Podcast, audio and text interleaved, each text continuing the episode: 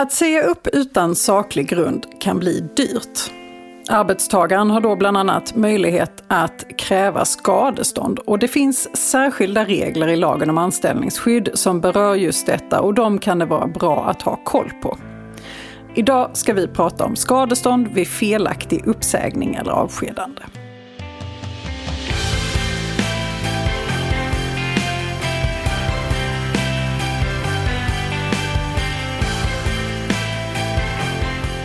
Hej och välkommen till Arbetsrättspodden, podden för dig som verkar inom HR eller hanterar personalfrågor i din vardag. I den här podden vill vi bjuda på nya infallsvinklar och dela med oss av vår kunskap för dig som arbetar inom HR-området. Jag heter Emelie Svensäter Jerntorp och arbetar som advokat inom arbetsrätt här på Vinge. Och med mig idag har jag min kollega Jerker Kjellander som är delägare och specialist inom tvistelösning på vårt Malmökontor. Hej Jerker! Hej Emelie! Ja, idag ska vi prata om skadestånd. Det blir väl spännande? Det blir väldigt roligt tycker jag. Och det är väl ett ämne som du sysslar med ganska mycket? Där känner jag mig hemma. Ja, vad bra. Eh, ska vi börja i den änden att vi pratar lite om varför vi har skadestånd? Vad, vad är syftet med skadestånd egentligen? Jo, syftet med skadestånd är att ekonomiskt ersätta någon som drabbas av att någon annan bryter mot en lag eller ett avtal. Okej, okay, så det är någon form av ekonomisk kompensation helt enkelt? Ja, kompensationen ges alltid i form av ekonomi. Sen kan motiveringen vara till att man ger ersättningen vara ekonomisk eller någon form av att man vill ersätta en kränkning. Okej. Och sen eh, kan det ju också vara så att man eh, kanske vill förhindra någon att eh, göra detta. Att man säger att det finns en risk för att få skadestånd. Precis, det preventiva syftet brukar man prata om då. Att, att en arbetsgivare som drabbas av eller får höra talas om att man kan drabbas av ett skadestånd är tanken att då ska man vara mindre benägen att bryta mot lagen i framtiden. Mm, och det vet jag av erfarenhet att eh, den här eh, överhängande hotet om att eh, göra fel i en uppsägningssituation, det, det, är ganska tydligt. För vi har ganska höga skadestånd just inom eh, arbetsrätten. Ja, eh, jämfört med andra rättsområden så fungerar det där väl. Och kanske är det också så att chef, chefer, HR-chefer, vd och så är ganska mottagliga för den avskräckande effekten att drabbas av ett skadestånd. Det vill man inte göra. Men var, eh, var hittar vi reglerna om skadestånd när det gäller just ett anställningsförhållande? Ja, rent generellt är förstås skadestånd finns inom alla rättsområden. Det finns lagregler och det finns allmänna principer. Men när det gäller just felaktig uppsägning så hittar man reglerna i lagen om anställningsskydd, LAS. Okej, okay. och vad står det där? Där står det eh, att om man bryter mot lagen det vill säga LAS, så ska arbetsgivaren inte betala bara lön och andra anställningsförmåner, utan även man ska även ska ersätta den skada som uppkommer för den arbetstagare, den anställda som har blivit felaktigt behandlad. Och vad menar man egentligen med det? Normalt sett menar man med skada att det den har förlorat ekonomiskt. Och vanligtvis är det om det är en anställd som blir felaktigt uppsagd så handlar det om att han eller hon har rätt till lön eh, och ersättning för den lön man skulle fått om man inte hade blivit uppsagd. Lagen om anställningsskydd skiljer på två olika typer av skadestånd. Eh, det finns allmänt skadestånd och det finns ekonomiskt skadestånd. Kan du bara kort förklara skillnaderna och var vi hamnar, vilka, vilka summor vi hamnar i på respektive skadestånd? Ja, ekonomiskt skadestånd, det är det, det är det vanliga skadeståndet kan man säga, som förekommer inom alla rättsområden.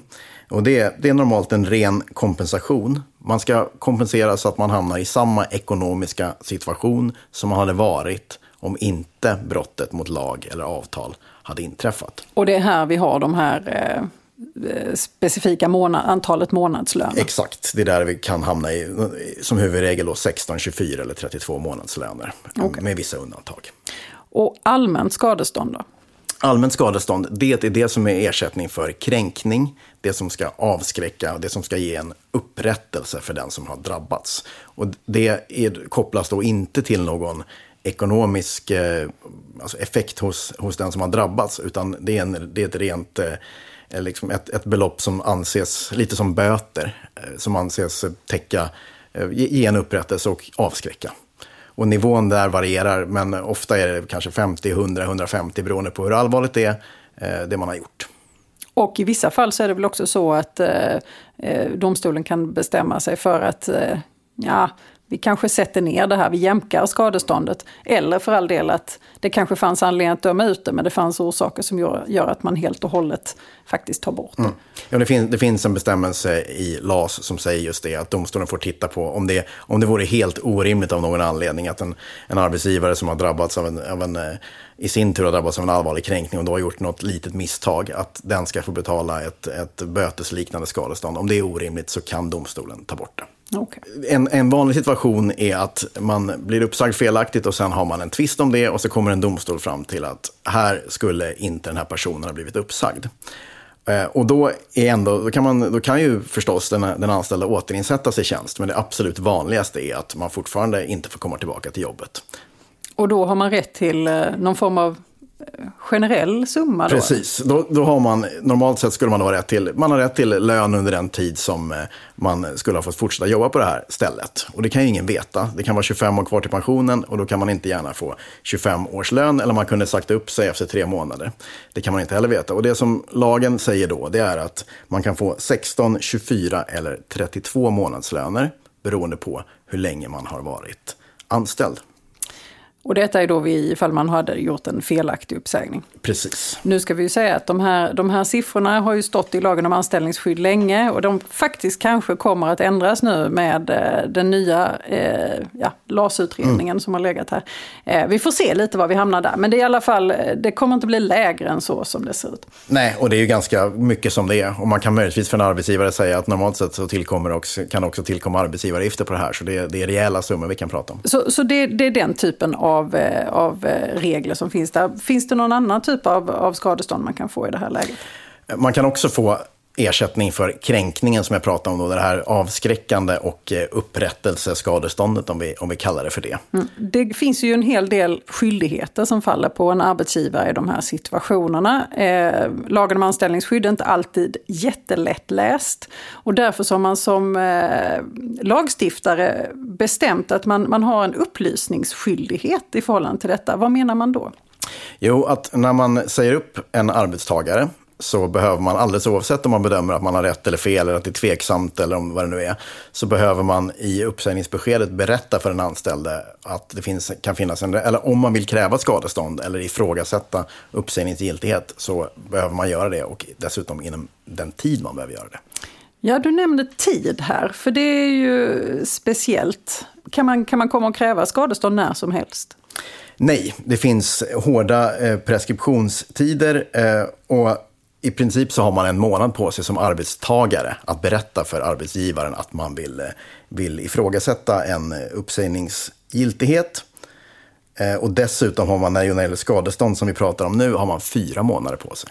Okay. Men sådana frister kan ju variera i kollektivavtal också, så det är viktigt att ha koll på sitt kollektivavtal. Exakt, det kan ju vara både kortare och längre, så det gäller att vara noga. Ja.